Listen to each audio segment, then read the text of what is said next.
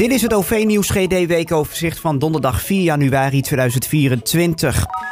Een aanpassing voor treinreizigers uit het noorden richting Zuid-Holland het komend weekend. Door werkzaamheden aan het spoorten in de Schiphol-tunnel wordt de treinenloop flink aangepast met gevolgen in de hele Randstad. De treinen tussen het noorden en Den Haag Centraal eindigen het hele weekend op Amsterdam Centraal. Reizigers richting Schiphol wordt aangeraden om te reizen via, vanaf Amsterdam Centraal via Amsterdam Zuid naar Schiphol, terwijl Den Haag Centraal bereikbaar is via Utrecht. Tijdens het latere werk tussen 13 januari en 4 februari gelden er opnieuw beperkingen, maar deze hebben geen invloed op de treindienst tussen het Noorden en Den Haag. Ja, dan moet je nog even rekening houden uh, tot en met dit weekend met de vakantiedienstregeling. Er wordt uh, op dit moment gereden volgens de kleine vakantiedienstregeling bij de bussen. Dus dat betekent dat er sommige lijnen ja, minder vaak of niet rijden.